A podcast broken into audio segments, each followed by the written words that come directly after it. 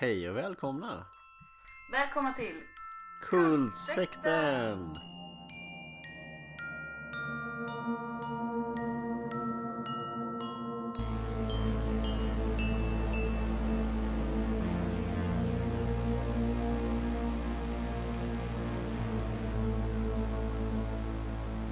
Och vi har sett eh, 28 Days Later. Vad tyckte du? Jag tyckte det var bra. Eller hur? Eh, kanske jättebra.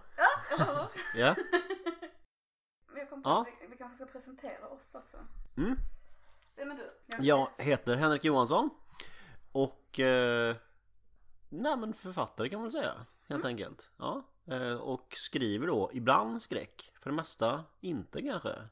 Av någon outgrundlig anledning så har det mesta utav mina skräckberättelser utspelat sig i Göteborg. Läskig stad kanske? Ja, nej, Jag ja. tycker egentligen Malmö lånar sig bättre till skräck om man tänker efter. ja. Lite mindre... Det kan vara så att eh, skräck för mig är ungdom. Och eh, jag flyttade till Malmö när jag var 21. Så min Göteborgstid är ungdomligare. Du Och kanske då mer skräck. Och du bodde i... Hur var det när du bodde i... Det var ockuperade hus eller det var lite sådär... eh, Lite läskig tillvaro kanske när du var ung och bodde i Göteborg? Ja, jag bodde nog aldrig i något ockuperat hus. eh, Men eh, jag var en del av en husockupant scen så att säga. Ja.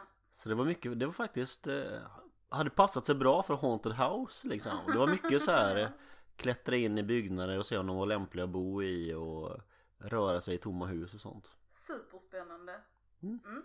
Jag heter Anna-Maria och jag skriver också skräck. Men framförallt så tittar jag på skräck och lyssnar på skräck och tänker på skräck. Ju mer jag gör detta och ju mer jag börjar förstå hur mycket skräck andra människor ägnar sig åt så förstår jag att liksom minst tre timmar om dagen är inte normalt. Det börjar gå upp för mig. Ja. Nej men varje dag faktiskt. Det är så pass mycket Mm. ja. Eller det, alltså man får räkna in fantasy och science fiction också och det är ju liksom suddiga gränser. Men ja Och jag funderar på om man kan räkna in eh, ja, men True crime till exempel nej, jag vet Nej, att många okej. gör det. Jättemånga Mm. gör det. Men jag tycker det är sån, det är precis tvärtom tycker jag. Men Mm. det, finns ju, det finns ju andra poddar som, som är skräckpoddar och som heter skräckiga namn men som också håller på med mycket true crime. Ja, Jag tycker det är jätteprovocerande. bluff och båg Nej, det hemska på riktigt, det är inte skräck. Det är ju liksom, det är förtryck. Vi får hitta någon eh, annan podd som vi kan starta en beef med tror jag Jag vet det, men jag tänker att jag är lite, jag har lite låg profil. Eh, idag har vi alltså sett 28 Days Later som är en av mina, man inte säga film, man säger filmer, serier, serietidningar, poddar om eh, zombies. Så är denna ändå, den är nog en av de absoluta favoriterna. Jag tror det är, där är en serie som jag kanske gillar mer. mm. Mm. Men det här är, ja, ah, det är jättesvårt att välja. Men jag, är, jag älskar zombies och detta är en av mina favoriter. För min del så, det här var ju tvärtom för min del, den första gången jag såg den Och eh, också skulle jag vilja påstå en av de nyare zombiefilmerna som jag sett Som är... är ja, jag, har mest sett, jag har mest sett eh, äldre zombiefilmer helt enkelt Men den är från 2002. Ja, ja, alltså jag är ju så gammal så att för mig är 2002 nytt liksom Shit. Så du har inte sett, du har inte sett några senare zombiegrejer? Mm, ja men kanske inte, inte ja, Jag har kanske sett några skräckkomedier och sånt, du vet zombiekomedier Shaun of the Dead och sånt Ja, liksom. till exempel Ja. Mm. Jo, den finns ju. Det är en zombiefilm som existerar, kan man säga. Men sen, jag vet inte, nej Nu tänker jag, nej det är äldre, jag kommer tänka på liksom Evil Dead och sånt Ja, nej, Men de är de är mycket mycket äldre, eller hur? Men ehm, min hjärna var det någon slags skifte när denna kom att zombie Alltså jag menar jag, gillar, jag har ju sett alla zombiefilmer som fanns och tjatat dem och suttit i grabbiga soffor med grabbar och sett grabbiga zombiefilmer väldigt många timmar innan jag såg 28 Days Later. Men det här var den första som hade liksom, som hanterade apokalypsen som en, någonting som kan drabba kvinnor på ett speciellt sätt och Mm. Alltså den är så mer, Mm. den är inte perfekt men den är lite mer ah, woke eller någonting liksom. Det kan man väl absolut säga Det är Också, en frånvaro av tristess här. Som jag har alltid känt en viss tristess inför de här långsamma zombiesarna. Killarna som organiserar allting. bilarna, alltid samma liksom. Men- här var det något ja. nytt. Men det kan man ju, det var en av de grejerna jag gillar också att Att zombiesarna är snabbare till exempel. Nej men det kan ju låta som en detalj i sammanhanget men att Det blir på något vis någonting som man inte har sett innan. När det inte är så här, ah, okej nu kommer en superlångsam zombie och så ska man träffa den i huvudet och så här blir man smittad. De har ju ett annat grepp på det så att man inte vet riktigt från början så här, hur, hur folk blir smittade hur snabbt det går. Man kan liksom inte den här zombiefysionomin riktigt som man behärskar när det gäller de gamla zombiesarna. Nej precis. Och det skänker en ehm, ett extra spänningsmoment så att säga. Jag tycker också det gör det mer spännande att det kan gå fort. Det Mm. kan gå så, alltså det är inte så här bara "Åh, det kommer en, och nej det kommer tio, och nej det kommer hundra, och nej det kommer tusen och nu har vi problem. Utan det är verkligen så här, åh nej det kommer en och det är en verklig fara liksom. Även om man är kompetent och har vapen och har förberett sig så är en zombie ett hot på riktigt. Och sen var det ju för min del också väldigt uppskattat att eh, liksom när man träffar på de här männen i uniform liksom så är det inte en given räddning så att säga. Ska vi, ta, ska vi gå igenom handlingen? Ja, det, vi får ja, vi göra det visst. jag? Förklara titeln till exempel. Ja. Det är ju ganska, det får vi göra utan att spoila för Ja. mycket. Jag tänker att vi får spoila och berätta handlingen. Ja. Mm. Det måste ju vara en, det är ju, alltså Men inte för noga kanske. Nej, nej, det kan Mm. det, nej, det håller jag med. Varför heter den 28 days later? Det handlar ju om att eh, huvudpersonen Jim har ju eh, Man träffar inte honom i första scenen men Han vaknar efter att ha legat i koma i eh, 28 dagar. Och, men det vet man inte riktigt utan det, det, det som händer är att det är ah, djurrättsaktivister. just det, okej. Mm, Djurrättsaktivister släpper ut um, raserismittade schimpanser för att rädda dem. mm. Eh, och 28 dagar senare så vaknar Jim, men vi vet inte riktigt hur länge han har legat i koma. Sant, vi vet inte hur länge han har varit i koma. Nej. Säkert att jag är petig, men Ja. det är viktigt. Ja. Det är. Ja, för han har ju inget, han har inget samband med eh, smittan liksom. Nej. Nej. Så han vaknar upp till liksom en tom värld. Och så är det en massa scener när han går omkring i ett helt tomt London och bara letar och skriker på hjälp och är helt ensam. Liksom. I sjukhuskläder liksom. Ja. Och så här. Hello, hello, hello. Och liksom först samlar han upp pengar och är så bara oh de här kanske jag kan ha till något men det kan han ju inte. Och så är läsk är mer värdefullt liksom. Mm. Mm. Eh, Sen blir han attackerad av såna här springande zombies. Och då, det är då han träffar de första icke smittade. För då blir han räddad av Selena. Mm. Och sen ska jag måste bara kolla mina anteckningar vad han Mark. heter. Han? Mark heter han ja. Mm. Mm. Ehm, och då, då kan man ju tillägga då att han Ja, det kanske du sa. Han först blir jagad liksom. Mm. Och de dyker upp som räddande änglar liksom. Mm. Mm. Då, så sätter de, har de molotovs cocktail och sätter eld på zombisarna och sen spränger de en bensinstation och är helt såhär woho! Mm. Precis som att det är fest och förstör grejer. Det gillar jag rätt mycket när man säger man får lov att vara py- pyroman även om världen håller på att gå under liksom. Man får lov Ja. att ha kul. Ja, jag tycker det är bra. Och han går ju igenom eh, Ja men lite så här förutsägbara eh, State of denial grejer liksom Ja precis. Och Jo men min familj lever säkert liksom Ja, och Selina är väldigt hård och bara, det, det enda som gäller är att överleva och du får bara räkna med att alla är döda och du får bara skärpa dig liksom. mm. Men ändå följer de med honom hem, de går hem till Jims föräldrar Ja, för att kolla läget. Och det, det är enda gången i filmen som jag liksom grät och som jag känner att det är så sorgligt. För det är väldigt fint. Men föräldrarna har tagit livet av sig och lagt sig med ett foto av, håller ett foto av Jim som barn i handen och så ligger de där och är döda. För att det ska vi säga också, de här zombisarna, om man dör innan man är smittad så vaknar man inte upp och är zombie. Det är liksom inte så att det finns ett Nej. virus som kan smitta lik. det så, det, Utan man måste, man måste vara sjuk när man liksom, eller man måste dö av sjukdomen eller om man nu bara blir smittad. Det- det pratas ju egentligen om det som ett virus och jag tror liksom aldrig ordet zombie nämns liksom Nej, nej, det gör det inte. Nej. Och det, Ja. var, det är många som hävdar att detta inte är en zombiefilm. Mm. Men det är ju bara, det är bara konstigt. Det är bara petigt och konstigt. Det är klart det är en zombiefilm. Alltså. Man kan inte Ja, jag har, den har liksom de klassiska Vad heter det? Aspekterna av Ja. zombieriet Exakt. Men där ligger Mm. de i alla fall döda och så har de på baksidan av fotot har de skrivit så här. vi sover som du Jim, hoppas du aldrig vaknar. Eller någonting i den Ja, stilen. exakt. Det Ja. är jättesorgligt. Eh, Mm. Ja men sen blir de attackerade av zombies i Jims hus. Ehm, och då blir Tim, Jim, Mark, Mark biten. mm. Och då dödar Selina honom direkt och osentimentalt. Ja det kan jag också ibland känna att det känns mindre Hollywoodaktigt liksom Mm. Att det bara Du är smittad, smack smack smack liksom Ja. Det är inte någon stor affär av det Det är bara Nu måste jag döda den här personen extremt snabbt Mm. För att det tar 10 till 20 sekunder från att man är smittad tills att man blir en sån här rage zombie liksom. mm. Så man har ingen, ingen tid på sig att fundera eller föra samtal. Men det verkar inte heller som de har haft det samtalet innan, så döda mig om jag blir smittad. För det har man ju. Mm. Det, det hade Mm. man ju haft direkt liksom. Ja Ehm, men det har de kanske haft. Det är väl annorlunda när man väl står där. Ja det känns lite underförstått på något vis Ja. Eller? Jo, Jag räddade innan ja. Man kanske inte ens behöver säga det, nej.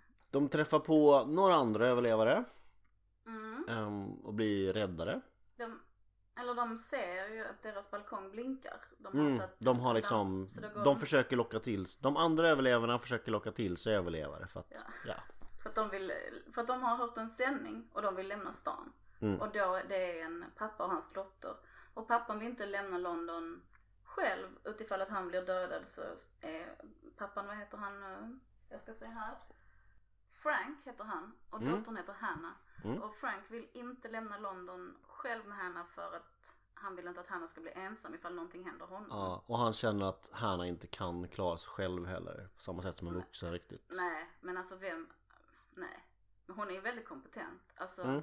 Det är inte en, ett betyg till hennes förmåga. Det är att ingen vill vara ensam i apokalypsen liksom. Ja, ja visst, men också en viss eh, eh, pappa-barn grej liksom Ja, såklart. Alltså att han ser henne som mindre kompetent än hon verkligen är Ja, kanske. Det gör han nog ja. Jo för han blir lite sur på henne när hon, när hon kör och sladdar med bilen och så stannar väldigt nära och har perfekt kontroll men tar risker. Så Mm. är han liksom sur och bara flytta dig. Det är ingenting så, åh vad bra vi har en bra Ja, chaufför till i Ja, det här. exakt Och de lyssnar på en sändning, det är soldater som säger We have the solution to vad, infection. Eller Ja, liksom de har lösningen, eh, vad ska man säga eh, The cure på något vis liksom Mm. Eh, Ja Och kom till Manchester. Mm.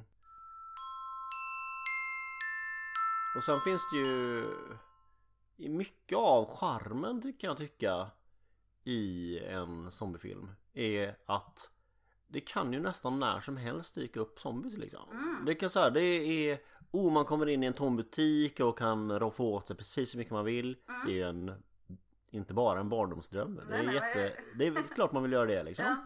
Och samtidigt så som tittare kan man vet man att det när som helst kan dyka upp en zombie eller flera och då måste man dra extremt snabbt. Och detsamma gäller ju för karaktärerna. De vet också det. De kan Mm. aldrig vara helt trygga. Ehm, men det tycker jag de löser ganska bra i denna filmen med någon slags... Kan säga de firar när de kan. De Mm. gläds när de kan på ett bra sätt som är, känns... Det känns trovärdigt ändå. Ja, alltså, det det. känns inte som att de är, är onödigt modiga eller konstigt starka. Men det känns som att de är konstruktiva. Och i många fall kan jag tycka i andra filmer att man tänker så här, men det där var ett jävligt konstigt beslut eller Mm. det där var så här hade man inte agerat men så känner jag inte här. faktiskt. Nej, jag har också väldigt lite av dem. Alltså vissa gånger kan man vara såhär, men om du har varit stark alltid innan så varför ska du böla nu? Eller alltså lite sådana, Ja, hur, och Grejer, hur kan du strunta i att ta med ett vapen? ja, ja lite sånt. Men Mm. i alla fall så kommer de fram till Manchester och där ehm, är ingen att ta emot dem och då blir Frank så upprörd så han går fram och sparkar till en eh, botten av en ställning och uppe i den ställningen ligger ett smittat lik och droppar en droppe blod ner i hans öga. Hej då Eh, Frank. Hej då Frank. Så då ska precis, jag kommer inte ihåg om det är Selina eller Jim till att döda Frank. Jo men Selina håller i Hanna för han, han är den första som märker att han blir smittad. Så hon, ehm, hon vill ju gå fram till honom eller hon kan inte acceptera, alltså som det kan vara Hon- när man hon- älskar. Frank förstår ju att han är smittad Mm. och har eh, liksom kämpat med sig själv och säger liksom stick, försvinn, Mm. stick, försvinn sådär. Mm, och gör såna ljud som de här zombiesarna gör hela tiden. Mm. Men eh, då ska väl Jim ska precis till att slå ihjäl Frank medan Selina håller fast Hanna så att inte hon springer fram till honom. När Frank blir skjuten från alla håll. Och då är soldaterna där för att hämta dem och då känns det som det är så här, ja men nu är det ändå räddningen. På Mm. något sätt. Och det verkar som att de är fler än de är och de åker och de rapporterar och da di da liksom. Men det är sant, men redan när de åker mot soldaternas bas så finns det aspekter av att de är fångar. Mm. Eh, att ett vapen riktas lite, lite grann mot dem och då kan man ju tänka i och för sig att de kanske tror att de är smittade, man vet inte riktigt sådär liksom men... På känns det också som att det är så militärer fungerar. Att det står någon vakt bak på bilen med där man sitter om man är civil liksom. Och håller koll åt en och på en och man vet inte riktigt. Alltså det känns som att det är bara så här militärers allmänna hotfullhet. Den känns inte specifikt riktad mot Hanna, Selina och Jim tycker jag. Eller? Ja, Jag tycker i alla fall att man får vibbarna av att det är inte en ensidig räddning här. Nej, nej okej. Nej. Det tycker jag. Nej men det, det är ju sant, så är det. Jag har ändå lite känslan av någon form av befrielse när de kör iväg i skogen och säger ETA 15. Och så här bara, åh nu ska vi komma. Och så kommer de till ett stort hus och där finns varmvatten och ljus och taggtråd runt om och minor och. Men Mm. det är typ tio snubbar där. Det är Ja, inte alls många. de är, det är inte vilket de har väl sagt också i radiosändningen så säger de att de är en bataljon eller inte, de, de är, det ger intryck av att det här är en befriad zon Mm. och det egentligen är det ju typ en herrgård. Ja, det är ett vaktat hus. Det är ett vaktat hus Mm. med tio soldater ungefär. Men där finns en varmvattenberedare som är vedeldad. Mm. Och Ja. ett kök och massa konserver. Alltså när de kommer dit så, så det är första gången Selina mjuknar. Hon är ju väldigt hård Mm. rakt igenom och så här, vi gör det som måste göras. Lite grann har hon ju blivit lyckligare när de har åkt ut på landet och haft lite picknickar och sett lite hästar och alltså sådär. Mm. Men hon är ändå den som hela tiden har hållit ihop. Men när de kommer hit så, så börjar hon till slut gråta och tycker att allt är jobbigt och hon är ledsen över att Frank är död och hon, alltså det är som det här man kan ha, man hamnar i trygghet så tar man sig också tid att känna sina känslor. Ja. Och, så från att ha varit filmens badass så blir hon, när de kommer dit, filmens inte badass liksom. Mm. Mm. Ehm, och de käkar en middag ihop och det är, på den middagen är första gången jag känner att det är skitskum stämning. Majoren har slips på ett sätt som man inte har om man inte är fascist liksom. Och det är konstiga diskussioner och det, det är också... Det är sant men jag, jag tycker liksom redan innan så är det Soldaterna har en Vad kan man kalla det? Grabbig lekfullhet Som sänder vissa dåliga vibbar liksom Mm, absolut, men jag tänker att detta är, detta är 2002 och det känns som att soldater ofta porträtterades så då utan, eller? Jag Det är, det är inte det här liksom slå ihop Det är inte det här strikta på något vis Strikta Att man är artig hela tiden Att man är Utan det Men man kan ju också tänka sig att det är en enhet i en viss upplösning Ja, och det här, det är ju liksom efter apokalypsen. mm. Jag vet inte, men jag förväntar mig inte att allt är exakt som det, vanligt. det är liksom. ju liksom tonåringar med vapen Ja, det är det också. Eller, Förutom ja, majoren eller- som är väldigt Förutom 30, majoren. Ja, ihåg tonåringar. vad det är? 20-25 kanske. Ja. Så du var majoren, vad skådespelaren där heter? Jag har glömt hans namn. Äckleton eller någonting. Ja. Nej men ja. Han Nej. spelar i alla fall Doctor Who i en säsong. Mm. Eh, Jag gillar honom rätt mycket. Ah, Jag tycker det är bra när han dyker upp där. Jag tycker det lyfter filmen ytterligare lite. Okej okej. Han har någon slags utstrålning. Och så kommer det fram, majoren berättar för Jim att Ja men jag, för, liksom mina soldater ville ta livet av sig och det var så deppigt. Så jag lovade dem brudar för kvinnor är på något sätt framtiden. Alltså han tänker, Mm. de tänker väl reproduktion. Ja. Men det, det, är en, det är en lite svag, det är lite svagt att förstå varför man vill, om man vill ta livet av sig, tanken på att det kanske kommer dit kvinnor, varför det skulle göra en jag vet, Alltså det skulle väl inte, jag skulle ändå ta livet av mig liksom. Även om det Mm. skulle komma dit män. Jag hade inte varit såhär bara, oh ja finns det karlar då ska jag inte skjuta mig liksom. Jag hade skjutit mig ändå.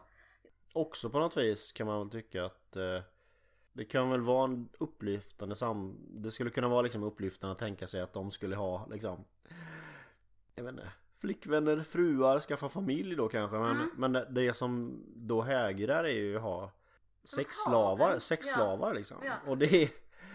Ja, det finns massa zombies runt omkring men vi har någon vi kan våldta. Ja. Det, ja, ja. Men det känns tråkigt att det skulle vara alla tio, eller inte alla tio för det är ju en, en av dem som faktiskt inte är med på det. Och det finns väl en viss tvekan hos några andra får man Ja. intrycket av. Men nu är det så i alla fall. Och när Jim fattar det så bara flippar han ut och ska liksom få Selina och Hanna därifrån. Det finns aldrig någon sån förhandling bara, ja men är detta värt det för att överleva eller? Det finns inga sådana diskussioner. Men det är ju jättemånga kvinnor i världen som som på olika sätt säljer sex för att få det bättre. Det är ju ingen, mm. alltså det är ju inget som man inte kan tänka sig liksom. Men här finns inte det med som, alltså det finns inte som ett alternativ överhuvudtaget. Säkert dels på, på grund av att han är ett barn. Tänker jag mig. ja hon är tonåring någonting. 14 eller något Ja. sånt. Hon är inte 18 liksom. Nej. Ehm, så att då ska han typ få dem ut därifrån. Men vad han gör då är att han bara skriker allt han kan. Och springer och hämtar dem och skriker liksom genom huset. Men han håller dem bara Åh, vi måste sticka! Istället för att som alla normala människor om man ska rymma någonstans ifrån. Vara lite tyst. Så här, nu dämpar jag mig så, och så, så skaffar vi fram en bra plan här. Ingenting med det. Det är ingen flykten från Alcatraz grej alltså. Nej, så att de åker ju fast och de ska då skjuta eh, Jim tar ut honom i skogen tillsammans med den andra som är också mot Alltså en av soldaterna Mm. som är emot den här idén med sexslaveri. Och då lyckas Ehm. Jim, Jim, Jim rymma. Ehm, och meanwhile så tar Hanna massa valium för att stå ut. Och men Mm. de, de tvingas klä sig i lite finkläder så det känns oerhört perverterat och störigt och jobbigt. Ja, där får man också lite Det görs lite gotiskt så att säga Alltså från att ha, ni vet eh, Vanliga kläder, praktiska kläder så har nu tjejerna Ja men typ röda balklänningar på sig ja istället precis. Samtidigt som de är på en engelsk trädgård, eh, herrgård Ja och där är massa sådana stora skulpturer och tavlor och så utseendet. Filmen byter verkligen uttryck där. mm, Det blir från att bli Mad Max så blir det Lite mer du vet så här, kostymdrama Mm, aktigt mm. Eller lite, ja. Fast, fast eller nästan lite, det, på sätt och vis också lite Ja, jag Dracula-aktigt tänkte, då på, liksom. jag tänkte på Bram Stokers Dracula faktiskt. Ehm, Och det, och ska vi bara säga att det leder till en slutfight och e- en efter en blir soldaterna till zombies eftersom det, det här är Jim som liksom är den eh, aktiva. Från, han har egentligen varit den mesiga filmen igenom och den som har varit så här bara men jag vill vara en, hellre vara en god människa än överleva och han har haft lite sådana grejer för sig liksom. mm. Men han, han blir ju badass liksom Men han är inte så badass så att han bara vill rädda sig själv Utan Nej, nej. han Det är inte så att han drar det här som han har möjligheten till Han kan ju gå solo här men Inte alls, det verkar han inte intresserad av överhuvudtaget. Och det kan jag på något sätt förstå. Alltså, Jo men vi, vi nämnde det att han, han var inte alls så här bara jag klarar mig själv, bara survival Nej, Utan, nej, dels var Så det, det. där är det ingen personlighetsförändring nej men det är också sen hur jag tänker på att vara helt ensam. Ja nej I en apokalyps, det, ja, det, vem vill det? Det är klart man hade Ja, vem skulle våga, vem skulle gå liksom. våga gå och lägga sig och sova Ja liksom? men precis, det är Ja. ingen, nej men jag förstår verkligen det. Mm. Jag hade också såhär bara, okej men Måste för rädda mina vilken kompisar plan jag än har, hur dålig den än är så är det detta jag kommer att försöka göra hellre än att bara sticka liksom. Mm. Det tror jag verkligen. Han blev väl så pass förändrad att både Selina och Hanna trodde att han var smittad av rage-viruset. Ja Och när Selina till slut fattar att han inte är det, då börjar de hångla hysteriskt. Jag vet inte riktigt, de är inte riktigt utom fara men ändå gör de det. Då kommer Hanna in i rummet drogad och hon, hon är jätterolig när hon är på Valium faktiskt. Hon är bara helt Mm. avslappnad och märklig med allting. Hon bara oj, Selina blir biten av, av eh, Jim som är en zombie så hon dänger en flaska i huvudet på honom. mm. Supercharmigt. Jättegulligt avbrott på det där tycker jag. Och sen sticker de ut i bilen och då blir Jim skjuten av Dr. Who. Men de kommer i alla fall iväg. Och så får man se lite så snabba klipp när de räddar honom på ett sjukhus och sen vaknar han i en stuga typ uppe i bergen någonstans i Skottland eller någonting. Man vet inte riktigt var det är. Mm. De har tagit sig ut på landet, hittat en stuga och Lite så här självförsörjande, mysigt. Och eh, Det är just det, det inser han ju Redan när han är på rymmen så att säga från herrgården Mm. att eh, då ser ju han att ett flygplan Ja just det, han ligger och ska nog ge upp. Mm. Ute i skogen ligger han bara och så tittar han upp i trädkronorna och då ser han såna här uh, chem, chemtrails liksom. Ja. Han den andra Alltså vänta som bara, sjuka. jag bara, en liten paus där Ja. Det man ser är ju inte chemtrails om man inte tror på konspirationsteorier alltså Utan Nej, det man ser men- är ju liksom Vad heter de då? De heter ju chemtrails. Ja okej, Mm. vi säger att man ser chemtrails Så det är inte bara de och tio våldtäktssoldater kvar på hela jorden liksom Det är inte så illa Eftersom vi har berättat att det är hur de här zombiesarna fungerar Det är inte Det är fortfarande så att de är rätt korkade liksom De använder inte vapen, de använder inte fordon De skulle förmodligen ha problem med att korsa Engelska kanalen Ja, ja.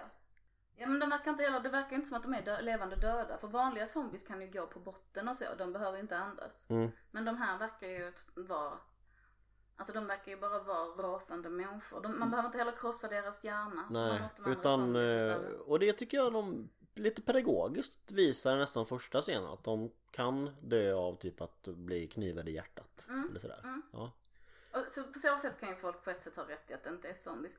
Men jag tänker mycket zombies som man säger haitisk magi och voodoo Mm. och så. Det kräver inte heller att man är död. Eller? Nej det blir typen av bara väl, skendöd ja men den typen av magi kunde väl även dra- drabba levande människor. Att de blev någons zombieslav liksom. Man kan inte vara för petig när man definierar zombies för då står vi plötsligt utan några zombies Ja. alls nästan. Det går inte. Vill vi leva i en värld Nej. utan zombies? Nej, det är inte, det tycker jag inte. Så det slutar i ett slags hopp om överlevnad Att eh, de har blivit eh, sedda av folk som flyger i alla fall Ja. Och det är en väldigt, det är en väldigt liksom fin avslutning tycker jag. Väldigt så här god och hoppingivande. Det, det finns en cir- cirkelrörelse också i orden. Det Jim springer runt och skriker på Londons öde gator är ju Hello, hello, hello. Mm. Och jag trodde att de skulle skriva Help med stora tygbokstäver men det de skriver är Hello. Mm. Ja, de ska, ja precis, de lägger ut jättestora tygbokstäver på en åker eller ett fält för att flygplanen ska se dem. Och det står Mm. hello och då står de och skriker hello. Och det är också när han drömmer mardrömmar om att hans vänner ska lämna honom. Då står han också och skriker hello. Mm. Så det är en sån återkommande. Ja. Mm. Hello, is it me you're looking for? I can see it in your eyes. Mm. You wanna eat my brain? Nej, förlåt. Ja, nej, det är bra. Tack, Mm. ge oss När det gäller ljud, kameravinklar, ljus Det känns liksom genomtänkt, bra arbetat Inte bara standard genomför, liksom standardprylarna utan Jag lä- Ja, jag Ja. tycker om det Ja, jag har läst på flera ställen att det här var första, första gången som digitala kameror användes till en film så här. Mhm. Alltså Mm. första gången man inte filmade på film. Okej Men jag fattar inte riktigt hur man, menar folk måste ju ha gjort andra hem, alltså jag vet inte riktigt hur man drar den gränsen, vilken film. Men Nej. kanske första storfilmen eller första biofilmen, jag vet inte riktigt. Ja, Men i alla fall, den ligger väldigt långt fram i det och man kan se att det är, där finns något visionärt i mm. den hela tiden. ja Och regissören är Danny Boyle. mm. Är, han har också eh, regisserat Trainspotting. Ja Det tycker jag syns faktiskt. Ja, På något sätt. Ja. de här skitiga miljöerna och någon slags tillåtande bildspråk. absolut och den är ju också så här Växla mellan extrema närbilder och Och med annat liksom och, och ja Där använder han ju mycket mer Musik i och för sig som Mm. inte gör så mycket här men Och det märker, han är ju inte heller Renodlad skräckregissör Nej. Och, och det behöver man ju inte vara. Nej Mottagande. Ska vi prata om det lite grann? Mm. Jag uppfattar det som att den, nu är det ju lång tid efter, men jag uppfattar det som när man tittar runt att den fick ett väldigt positivt mottagande. Och fick eh, liksom positivt recenserad i New York Times och The Guardian och sådär. Ja Ja. Eh, vilket kanske inte är standard för en zombiefilm. Nej Man kan se ganska, att den, den eh, gjorde liksom någonting med zombie-genren. Den fick nytt liv och nytt blod efter Ja efter eh, att denna filmen hade gjorts. Det blev mer levande och roligt på något vis. mm. Ehm, sen så gjordes ju också en uppföljare, 28 Weeks Later. Okej Mm. Som jag faktiskt har blandat ihop lite grann i Mm. minnet med 28 Days Later. Och 28 Weeks Later fick jättedålig kritik. Men, Men jag Är det gillade den som fan. men är det Danny Boyle som gjort den också eller? Ja, det har jag för mig. Jo men det tror jag. Mm. Som sagt, jag tyckte den var jättebra. Och jag har för mig att den fokus... Om inte jag nu blandar, jag blandar ihop så, jag har ett jättedåligt minne. Men jag har för mig att den handlar om en gravid kvinna och hennes problem och det var mycket den. Okej. Alltså att den går ja. ännu mer i Ja. icke-manlig apokalyps liksom. Ja. Och jag kommer ihåg som att män är ännu mer en homogen massa och ett hot där. Ja okej. Ja. Män som zombies. Alltså Men- det är två olika eh, kategorier av monster. Ja. Typ. Eh. Inte riktigt men jag minns det lite så. Man tänker ju på kvinnors utsatthet i krig till exempel i väpnade konflikter. Mm. Liksom, här. Han har tit- tittat mycket på Röda khmererna Mm. när de var i Okej, Kambodja. ja. Han har tittat på eh, brotten mot kurder, Mm. kriget i Rwanda. Alltså mycket att han tittar på nyhetsfotografi. Och det använder han ju i början också. Ja. När han att de här smittade aporna får ju titta på massa våld och det är ju inte liksom Kravaller och det är ju liksom och- verkligt våld. Det är ju Mm. inte, det är från nyhetssändningar och Vad jag har läst så är det iscensatt allting. Så han har inte hämtat några faktiska nyhetsklipp utan alla de grejerna är iscensatta. Ja fast jag är ganska säker på att en del av klippen är från till exempel Poltax Riot. Det kan de vara. Det Ja. kan ju vara att jag, att, alltså jag har inga bra källor, det är bara internet. Mm. Men vad jag, vad jag har läst så var han noga med det. Mm. Att inte använda verkligt våld liksom. Okej. Mm. Och det är någonting som jag hoppas på när Mm. jag ser en skräckfilm. Att inget av detta har, är på riktigt liksom. För det, Ja. det tycker jag, det gör det, det gör det fel av mig att sitta och hantera mig själv och mina egna grejer. Om det här är faktiska riktiga människor, då är inte jag så intressant liksom. Men Ja. om det är skådespelare så får jag göra vad jag vill med det. De Ja. bjuder ju på det liksom. ja. Jag tycker det är jättestor skillnad. Fast jag tänker att kravallscenerna är baserade på riktiga kravaller liksom. Alltså jag, jag tror att han har haft riktiga scener som förlagor. I det, Ja. det jag har läst. Ja. Absolut. Men att det har aldrig varit riktiga döda människor eller människor som faktiskt råkar ut för våld. Mm. Okej. Som ja. sagt det här är så internetkällor. Någon som har haft en blogg och skrivit. Det kan vara att det är fel. Mm. Tyvärr. Men, eller så. Jag har inga bra källor men det är vad jag har läst i alla fall. Ja, right. Ja. Och det gör det filmen lite lättare att se tycker jag. Mm. Precis efter millennieskiftet. Det är ett särskilt uttryck som man hade där tycker jag. Mm, mm. Mycket rånarhuvor, mycket kravaller och mycket Ja. Mycket kaxighet liksom. Och Ja. mycket... Ja där är ju när de blir räddade och flyr upp till eller när de ansluter sig till Frank och Hannah Mm. så har ju Frank är ju har ju kravallpolisutstyrsel på sig. Ja, som han står med framför sin dörr och släpper in dem ja. Ja. Och det är ju också Men han är taxichaufför. Väl? Ja. Så att han Ja, är det- ingen snut liksom. Nej nej han är inte snut utan Mm. han är taxichaufför. Tack och lov. Nej men det, Ja. det är så tråkigt när det finns så väldigt mycket poliser och militärer som hjältar i den här typen av filmer. Ja. Och det är trist i längden tycker jag. Ja. Och Jim är ju cyk- budcyklist för övrigt. ja. Han Så- ligger på sjukhus Ja. och han har varit med i en trafikolycka som Ja. cykelbud. Ja. Det, annars är det, lustigt för annars är det så himla vanligt att folk är har oftare medelklassyrken liksom. Mm. När de ska vara- ha så här, det här ska vara en average Joe på något vis. Och så är det oftare att de, Tjänsteman. liksom. tjänstemansyrken. Mm. Ja. Mm, det, är mycket, det är liksom verkligheten, det är jättemärkligt. Mm. Men här är det ju ingenting. Nej. Det är ju liksom, och det är inte heller intressant på det sättet. Var, alltså men det är ju en, det är ju gött att det är så. Men det är inte som att de pratar om sina jobb alls. Nej exakt. Eller bryr sig om Nej det. det känns ju lite överspelat Ja, nu. exakt. liksom. det är kanske intressant för militären om man inte får någon annan. Ja. Mm. Kanske ska säga när det gäller mottagandet att den fick ja, 7,6 på IMDB. Mm. Och jag tycker det är lite lågt. Mm. Det är ändå en så pass eh, bra film, tycker jag. Ja. Um, 8,6 hade jag nog tyckt att den skulle ha ungefär. ja, det kan jag tänka mig. Ja. Den här Doctor Who som finns med. Mm. Mm, han ehm, spelar i den säsongen, den första säsongen som där um, Steven Moffat började skriva manus. Mm. Och det är en av mina, jag tycker han är helt fantastisk som författare. Okej. De avsnitten Ja. han har gjort i Doctor Who är något helt annat än alla andra Doctor Who avsnitt. Ja. Steven Moffat, så jävla bra. Alright. Bland Ja. annat har han gjort, skrivit ett avsnitt som heter The Empty Child. Mm. Som också lite grann handlar om zombies i ehm, London. Sen Aha. är det ju inte, alltså, och, och gasmasker också, lite samma så här. Mm, Ja, inte riktigt ja. för att det här är gasmaskerna sitter på zombiesarna. Mm, Det är väl någon sån engelskt sätt att hantera minnen från blitzen eller Ja, jag har hört Mm. eh, att det finns vissa sådana kopplingar. Ja, men ehm, och jag tycker slut är svåra. Som Stephen King är ju ökänd för att inte klara att skriva slut. Mm. Ursäkta, och det gäller ju framförallt i filmerna. Alltså It. Den gamla It, när den här spindeln kommer, har varit så jävla bra och så bara blir det så jävla dåligt. Det minns jag Det- inte faktiskt. Det är för länge sedan. Eh, Men det är ju ja. jättevanligt. Men här filmades det faktiskt flera slut. Och Ja, sen så var det någon fokusgrupp eller någonting som fick se och då tyckte de att det blev för mörkt med mörkt slut. jag trodde faktiskt att filmen skulle sluta när de kraschar bilen genom porten. Mm. För det finns någonting med den scenen att de fryser bilden här också.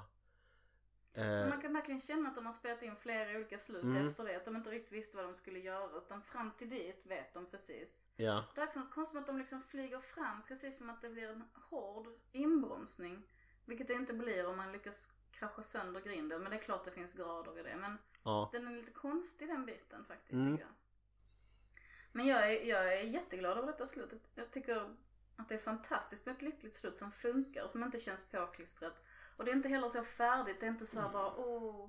Nu är vi i Frankrike och lever liksom loppan i Paris och allt blir bra. Ja, ja, hade det varit en så här eh, champagne framför Eiffeltornet det hade ju varit eh, illa. Men Men det här är ju verkligen så att vi har chansen att bli räddade och deras relationer verkar liksom... Men det är något fint i hur de tre håller ihop. mm, Jag är jätteglad att man får ett lyckligt slut. Jag får verkligen gåshud. Alltså Mm. riktigt mycket gåshud när jag ser det. men Jag är så jag, himla glad. jag vill också Jag funderade liksom flera gånger så här under filmen så här, "Ja, men jag vet inte hur kommer det sluta liksom. Det var, det var för min del, slutet är ju inte speciellt upprätt Men ehm, För det är avgjort lyckligt så att säga. Men, Mhm. men det var under väldigt lång tid i filmen så var det för min del väldigt, väldigt oklart Om de skulle överleva till exempel. Ja. Om det skulle bli ett lyckligt slut eller om det bara var ja, Ja. Zombiemat liksom. Hur känner du inför skräckfilm ett lyckligt slut? För det är inget som... Nej men det är helt okej. Jag tycker det, det ja. Du går med på det? Ja, jag, det? jag behöver inte tycka att hela jorden måste gå under så att alla blir zombies. Nej. Jag kan också tycka Uppskatta, det är inte så att jag tänker att det automatiskt ska bli en uppföljare men Alltså att det finns en slags utvecklingspotential liksom. Jag tänker att Skulle hela världen bli Tagen av zombies så skulle det finnas enklaver, olika länder, öar som skulle klara sig längre liksom. Mm. Så, ja. Ja. Ehm, Lite så här realistiskt på något vis. Min, ehm, en av mina älsklingsböcker när jag var liten var faktiskt Robinson Crusoe. Mm. Ehm, eh, redan då så plockade jag också upp på det här rasistiska mot fredag. Det vill jag ta avstånd från. Mm. Men jag gillar väldigt mycket detta med att liksom göra kläder av blad eller odla Ja. eller och göra egna lerskålar. Hela det här postapokalyptiska, klara Ja. sig, gå och ta jättemycket i affärer, hitta olika, alltså vet så här, Ja, hela den sitta- självhushållningen. sitta och sy på en icke-elektrisk symaskin. Ja, jag älskar sånt. Ja. Och när jag var liten hade jag också någon sån fantasi om att när jag blev stor så skulle jag skriva en bok om, ehm, om barnen som flyttar ut ur civilisationen. Jag fantiserar jättemycket om det. Mm. När liksom alla, att alla barn skulle så här, tillsammans i de svenska urskogarna långsamt liksom rymma och rusta upp någon slags Mm. byar inne i skogarna där Ja, ingen fick komma. ja. Det finns en sån... eh, Jag vet inte om det var någon serie Där det är typ några engelska bröder som bor ute i skogen någon sommar eller så.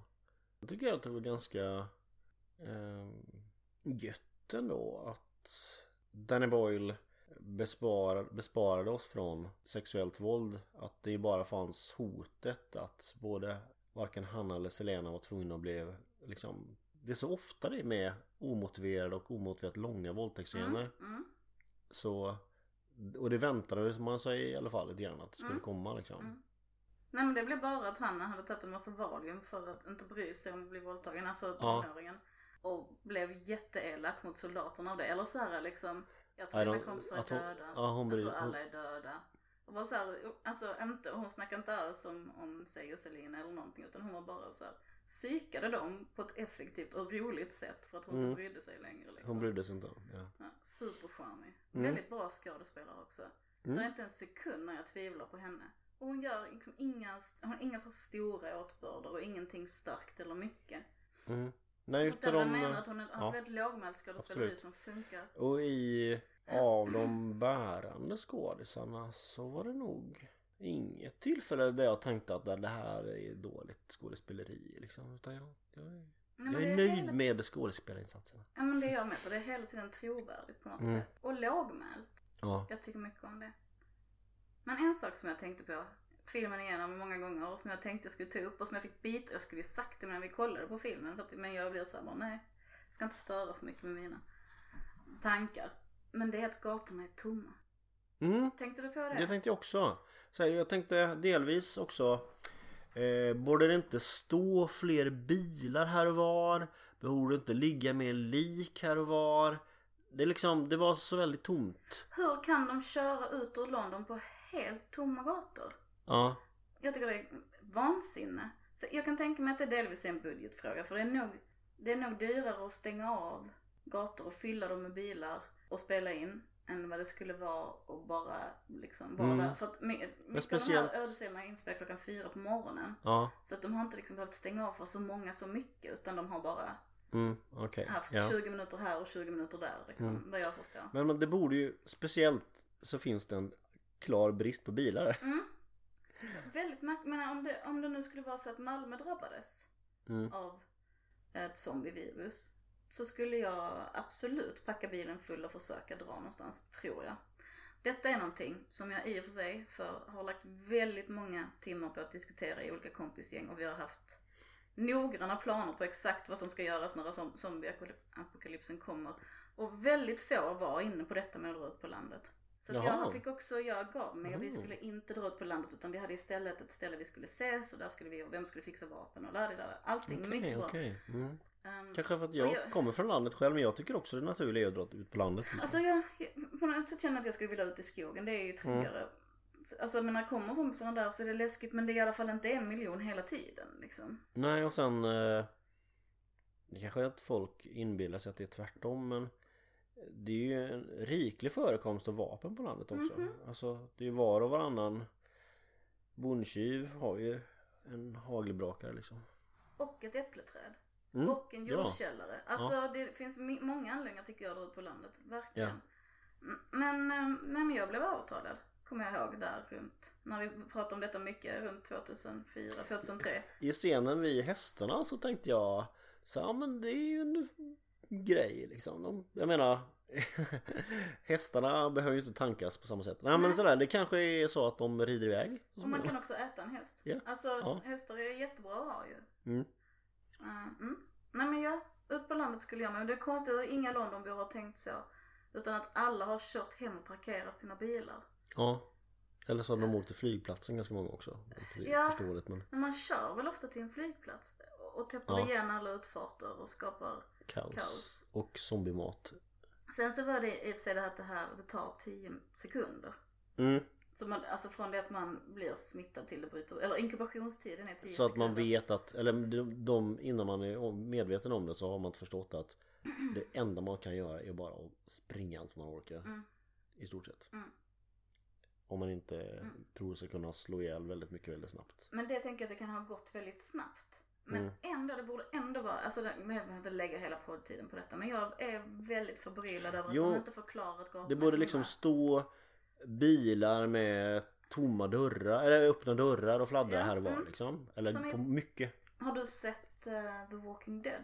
Nu vet jag inte om jag har sett just Det den. är en serie, en lång serie. Ja, nej, jag har Nej. inte sett. Men där är ju väldigt mycket i, in på vissa områden att det står mycket bilar på gatorna och sen efterhand som när när Mm. apokalypsen har pågått i väldigt många år så kanske man har kört, ställt av bilarna lite grann. Men det är många ställen det inte går att komma fram. Mm. Det, det ser väldigt snyggt ut. Det är väldigt bra tycker jag. Ja. Jag älskar apokalypser så mycket. Men där är det ju, Åh. på tal om bilar, det, de få tillfällen där det är igenkorkat är verkligen Åk inte ner i tunneln. Ja. Ja, när de ska köra ut ur London, de bara vi tar den snabbaste vägen och kör genom tunneln och Jim blir skitsur. Ja, och sitter är helt så riktigt. grinigt pissesur som man aldrig är på film liksom. Men som jag också precis hade varit. Ja, Jag hade reagerat exakt så. Jag bara tack för detta era jä-" Alltså så jag var Ja. jättesur liksom. Och det går, ju, det går ju men det går inte bra. Alltså nej. det är nära. Det blir uppätna. Tänk på det barn. Zombieapokalyps. Inte Inga ner, tunnlar. inga tunnlar. Man Nej. måste alltid ha en plan B. Det måste alltid finnas en flyktväg under en zombieapokalyps. Jag tycker Mm. det är skitviktigt. Och om man till exempel skallar en soldat så att han dör. Om, alltså man får skalla honom ganska många gånger. Då tar man givetvis med sig hans vapen Ja. efteråt. Där är lite sådana saker. Alltså Mm. man är sådär, varför inte? Men han verkar... Ah, skitsamma. Ja, okej. I tunneln i alla fall. Där tycker jag en av de snyggaste scenerna är när, när man ser de här zombiesarna komma springande. Men man ser bara skuggorna på väggarna och konstiga Mm. skuggor in i tunneln som är sådär deformerade. Och det kan bli lite löjligt och t- liksom Ja men det är... lite för mycket. Men Ja. det är så jävla snyggt här och sen bara väller råttorna. Råttorna springer undan de smittade och de bara kommer i sån Ja, det massa. tyckte han- jag också var jättefint att råttorna flyr för zombiesarna. Ja. Det är ju annars, ja nej. Ja, och Hanna ligger då på marken och håller på att byta Jo. däck. Ja. när den här råttvågen kommer. Och det är ju också coolt att den lilla ungen, det är hon som kan byta däck. Mm. Alltså hon Mhm. får liksom ha kompetenser på ett sätt. Lilla ungen, hon är inte liten men Ja. hon är liksom en taxiförares dotter och hon har varit med och mekat med bilen uppenbarligen liksom. Ja. Det är väldigt coolt. Och så kommer råttvågen och bara springer över henne. Och det är också så himla bra spelat när hon flyger upp och så här, "Wah!" borstar av sig. Precis så som Mm. man reagerar när det kommer massa äckliga djur liksom. Ja. Och sen så är det också roligt att när de kör iväg, för det är också ett sånt tillfälle, det blir lite berg och dalbana, de får köra över grejer i tunneln och så. Att de är glada och de är glada när de kör bort. Alltså det, blir, det är inte som att de är bytesdjur som är jagade av rovdjur och bara så här som rädda kaniner bara ah, flyr. Utan det är Mm. nästan som att de tävlar med zombiesarna bara yeah, där fick ni, vi vann liksom. Bara, Mm, mm, men vi att kan, överlevde men, nöd och näppe. men också ja. kan det bli någon slags eh, euforisk glädje för att man eh, klarar sig liksom. Ja, och lite den här adrenalin Ja. grejen. Det känns trovärdigt och det Ja. känns också smart för man måste ju erkänna sina vinster liksom för att orka Mm. i apokalypsen. Det tror jag också vi ska, det är också en sak man kan lära sig i den här filmen. Fira när du har chansen. Liksom. Ja. Ja, supercharmigt. Det finns någon, um, någonting som jag hörde när jag var ganska ung, när någon hänvisar till döden som den stora gemenskapen. Mm. Jag gillar den tanken jättemycket. Ja. Och zombiesarna är nästan, de är nästan ett. Framförallt i, nej men även här att de liksom, de gör samma sak, de vill samma sak, de är samma sak. Det finns ingen, det är inte så jag gillar rosa eller Mm. jag lyssnar Nej. på pop. Utan allting är, de är bara en varelse fastän de är många delar. Ja. Det tycker jag är skithäftigt. Det är också Just. lite buddhismens mål att liksom uppgå i helheten. Fast det är, det är en ond version men ändå. Ja. Ja. Mm. Jag har funderat jättemycket på hur det skulle vara att vara en zombie. Mm. Och du tänker att det skulle vara Hur? Ja men nej, det går inte. Kanske Ja. gör det så. Det ser ut att göra väldigt ont ibland. Ja. Vissa zombies rör sig oerhört som de rör sig med smärta. Mm. Ehm, men det ser ut som det känns ganska lite ändå. Alltså. Ja, det är ju lite det olika. Här, här till exempel har de ju som såklart, de rör sig spastiskt på något Ja. vis. Eh, Men de har ju inte det här stela liksom. Utan de är ju ganska smidiga och så. Vet du om att han eh, anställde bara idrottare Aha, till att oj. spela för att de skulle springa kraftfullt och röra sig kraftfullt och effektivt. Ja men Och det gör de, ju det gör de verkligen. Ja, de Och är, det, det är skitsnyggt tycker jag. ja. Visst. Och det är inte som i vissa zombiefilmer att de har någon slags minne av sitt forna jag och till exempel i en del gamla en del zombiefilmer kan det vara till exempel som att en zombie går runt och klipper gräsmattan med en icke fungerande gräsklippare. Ja, Att- eller att att, man- de, ja precis, att de går till sitt jobb och står Ja, där. Mm, Att man ja, upprepar precis. det man Ja, gjorde när man var levande utan de är ju helt inriktade på De har släppt sitt gamla jag. Ja, Det missas i de här beskrivningarna att människor ofta har en tendens att samarbeta och, och vara tämligen hjälpsamma och oegennyttiga eh, och solidariska i krissituationer. Precis. Mer än i det vanliga livet som vi lever idag. och det, kan, det tycker jag har märkt jättemycket i mitt liv och sett. Och jag kan vara så provocerad av det. För det är också samma sak det här, hur ska vi leva efter apokalypsen och så. Mm. Man ser det alltid att alla är så jävla onda, alla människor. Och jag tror det är en missuppfattning och tror att Ja. vi blir mer onda ju svårare vi får det. Och Ja. jag tror inte det är en smart missuppfattning. Ja, nej, Jag har till och med hört om människor som, och det här är ju hemskt på ett sätt, men människor som, jag ska inte säga att de saknade kriget, men efter blitzen i London till exempel, Mm. så saknade de sammanhållningen. För Mm, när vardagen mm. kom tillbaka så Ja. fanns inte detta att ta hand om varandra på samma Jo sätt. men det, jag har också läst om eh, eh, norska partisaner ur motståndsrörelsen som efter liksom de blev befriade från och, eh, Hitler Mm. andra världskriget var slut kände att de saknar också den stora uppgiften på något vis. Mm. Att, att, att, ja. att le, livet blev Jaha, ska jag gå till fabriken och så äta frukost? Mm. Jag vet att det kändes meningslöst att säga. Mm. Det vanliga livet. Det hade varit så kul att se en zombie, eller en apokalyps som också var lite av en utopi. Att de två fick liksom mm, bråka med Ja, varandra. det var roligt. Det kan vara ett önskemål tycker Ja. jag. Jag har länge letat efter, ehm, eh, jag har länge letat efter zombie-podcast. Ja. Alltså inte om zombie fiction utan så dramatiseringar och teater och så. Mm. Eh, jag tyckte att det var svårt att hitta, Ja. tyvärr. Det är liksom inte, jag vet inte, det är inte så stort med zombies som det borde vara. Nej. Världen förstår inte hur viktigt det är. Det, Men det zombies är klart en marginaliserad grupp kan jag tycka. Ja, det finns ju någon sån zombiesarnas befrielsefront och mycket om det här med arvsrätten och rätten att man förlorar all egendom när man dör och så. Det finns, finns en politisering av det också, men det var inte good. Mm. Ehm, men det finns en podcast som heter We're Alive. Ja. Men jag tror den är producerad i Hollywood och jag tror det är en hel del Hollywoodstjärnor med för jag tycker jag känt igen rösterna. Ja. Eh, Jag tror det finns flera hundra avsnitt också om jag kommer ihåg rätt. Det var nog ett år sedan jag lyssnade på den eller någonting. Men den, den är värd att lyssna på. Mm. Det tycker jag. Sen är det militärer som är huvudpersoner. Och Okej. Det är så trist och det är så förutsägbart. Ja, det är lite tjatigt. Ja. Men det är ändå en podcast med zombies och det är apokalypsen och det är olika karaktärer. Och, mm, det är mycket bra. Mm. Det är det ändå. Så den kan jag rekommendera. Annars har jag hittat väldigt lite så här radioteater och zombie fiction. Som man bara kan gå omkring och lyssna på så att man kan, alltså så man kan ha det när man är ute på stan eller pendlar eller städar. Mm. För att jag tycker det är ett bra sätt att stå ut med tråkiga saker i och lyssna på eh, zombies. Absolut. Absolut. Men det finns inte så mycket tyvärr. Nej. Det är sorgligt. Sorgligt hur lite zombies det finns. Mm. Nej men även på de kulturella scenerna till exempel. Jag menar, när såg vi senast en zombieopera? Mm. Ja, men det finns inte mycket. Ja, det är väldigt trist. Är du rädd för att dö? Inte superrädd för det där. Eh, alltså, jag lever ju hellre än är död men eh, Men eh, det är ingenting som jag liksom går och tänker på speciellt mycket. Nej.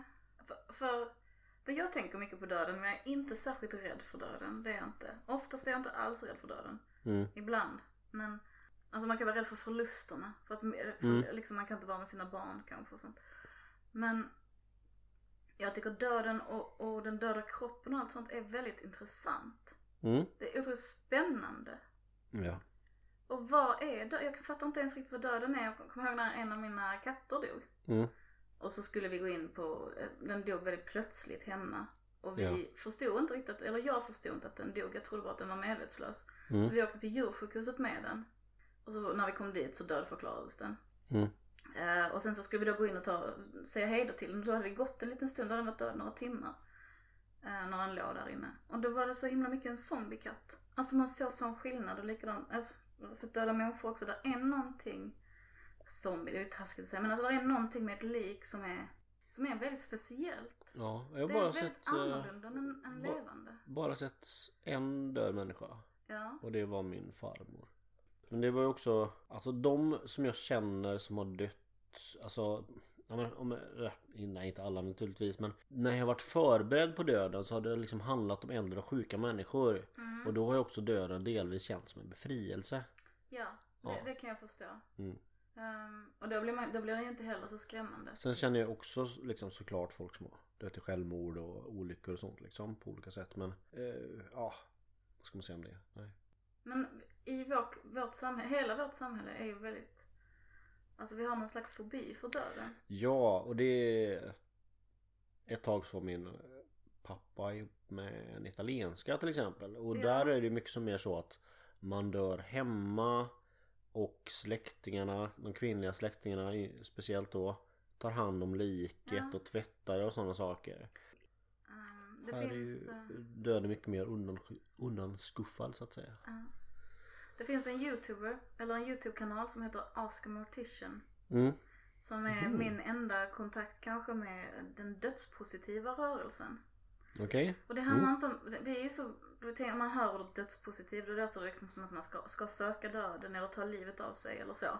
Men det är inte alls det det Mm. handlar om. Nej, Utan okej. det handlar om att när, alltså vi vågar tänka på döden. Ja. Att vi vågar liksom erkänna att det kommer hända oss alla. Mm. Att vi vågar erkänna att alla blir lik. Att Ja. köttet är inte vi, att det är någonting annat i, i oss som är, alltså Som vi. Mm. Mm. mycket så. Och hon är också väldigt kunnig. Jag rekommenderar henne verkligen. Jättekunnig Mm. om allt som har med döden och lik att göra. Och väldigt rolig. Ja. Oerhört många roliga, dråpliga likhistorier finns det ju. Ja. Mm. Men det, jag tror jag hanterar lite sånt också när jag ser zombiefilmer. Jag kan liksom tänka mig, var, var går gränsen mellan att vara ett jag och inte? Var Ja. går gränsen mellan liv och död? Alla de grejerna är liksom hela tiden aktuella. Och de scenerna dyker upp i de fallen när karaktärernas närastående Mm. liksom. När det inte är någon totalt främmande människa utan som i det här fallet när pappan blir smittad liksom. Det blir en annan grej liksom än det är då det finns utrymme för. Vad tänker du, sorgen eller? För även om sorgen men också inte eh, nostalgin eller sådär liksom. Men att nu är ju alla i filmerna och liksom lite av nödtvång. Vi måste agera snabbt och tänka snabbt liksom. Också Mm. medan jag tänker att jag läste om Breivik liksom. Och när han gick runt och sköt folk på den här Mm. Utöja i Norge. Att han var förvånad över att det var så många som stod still helt enkelt. De var bara De flydde inte, de försökte inte slå ner honom eh, och angrep vettlöst eller sprang vettlöst utan de bara stod som helt förlamade liksom. De Mm. bara stod helt lamslagna av skräck och så gick jag fram och sköt dem liksom. Jag tror det är svårt att agera när man Ja. inte förstår, när det är mycket känslor. Ja. Men, det, men mitt intryck är att det är här, det, men att panik och lamslagenheten är väldigt ovanlig i film. Mm, det stämmer. Och Jag tror det handlar om också om att vi vill se kompetenta karaktärer.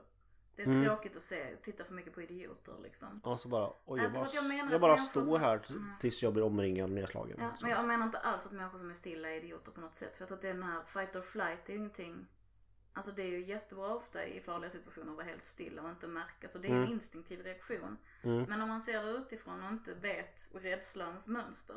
Då kan man lätt, alltså jag tror att det kan bli väldigt provocerande i en film. Och se människor som Ja, inte försvarar sig. Ja. Och därför tror jag inte det finns så mycket av det som, som det skulle finnas i en sån verklighet. Men jag tänker liksom att i många filmer som där det dör mycket folk Mm. Actionfilmer, krigsfilmer Ofta är det som att liken bara försvinner i tomma intet Ja. Förstår du? Det är liksom Lite som vampyrerna, många Ja. ställen man stekar vampyrerna så bara psh, blir de damm liksom. Ja, Och så vill jag ofta ha det för kommer jag ihåg. Att jag var väldigt inne på att det borde vara så. mm, Oerhört provocerande när det låg döda småfåglar och möss och sånt på stan och bara om man inte finns så ska man inte finnas liksom. ja, Jag kunde inte tåla det här med lik. nej, Som finns men finns ändå inte. Vad fan är det för jävla bullshit liksom. mm, bestämmer det liksom Exakt.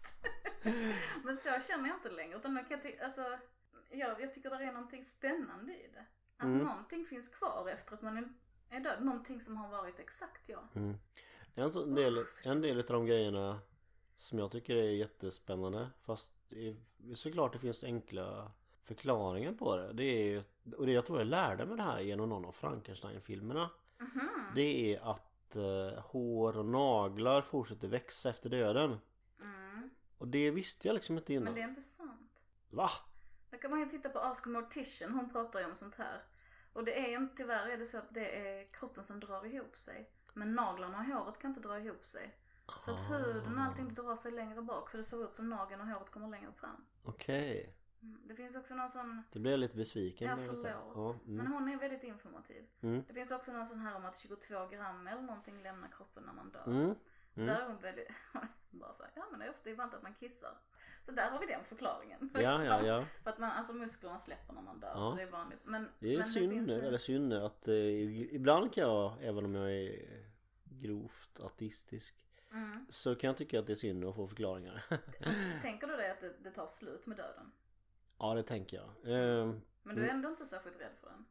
Nej, eller jag vet inte Mm. Jag tänker väl också att Delvis att jag skulle liksom gå ut och bli överkörd nu Bara för Ja. att jag sagt kommer jag inte att bli det men det eh, kommer inte. Så eh, det kan ju liksom Eller så här Jag kan ju tycka att det är extremt tråkigt att andra ska dö liksom Men det betyder ju också att när jag dör, ja men då är det ju kört för mig Förstår du? Då, jag upplever ju inte Min egen död Nej.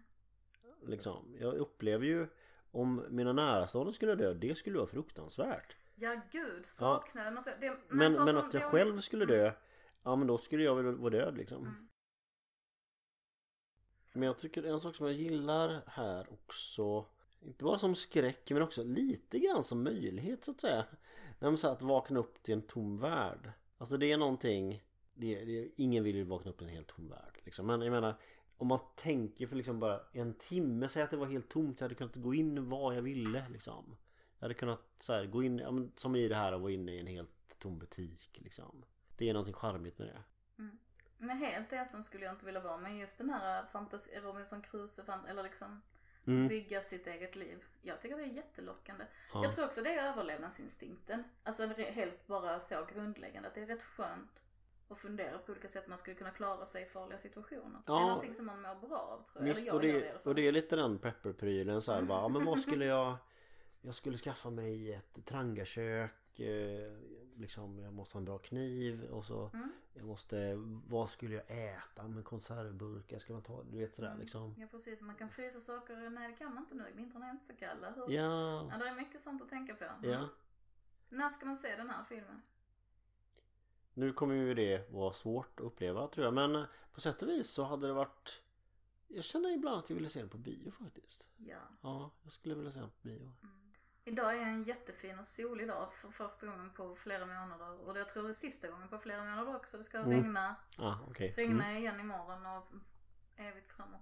Och det känns ju skitsynd. mm. Jag hade velat Mm. ha de här liksom gråa, strilregnande dagarna som vi har haft innan vi såg den här filmen. Så att det var lite mörkare i rummet. Ja, det var Det var... en utav de, Det är väldigt regnigt och mörkt några av de sista slutstriderna till exempel Ja. också Det är ju Det hade varit så härligt att sitta och se det i ösregn. Vi hade Mm. hört hur det slog ner på mm, taket på verandan. Det var skitmysigt. Ja Vad skulle du ge den för betyg? Skala 1 till 10 hur sevärd den är? Ja men eh, nio kanske Ja, Mm. åtta, nio Jag ligger nog så där någonstans, 8-9. Ja. Det är inte liksom top notch bästa film i hela världen men eh, ändå liksom bland de högsta kategorierna ja. Mm.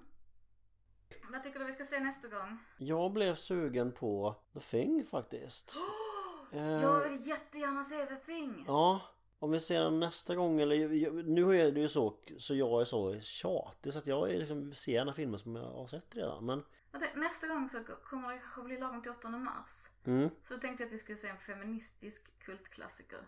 mm, Är du Mm. okej med det? det är okej Då tänkte jag att vi skulle se Cannibal Women in the Avocado Jungle of Death. Det är ju bara titeln är ju fantastisk Okej, då säger vi Tusen tack för idag. tusen tack Hejdå.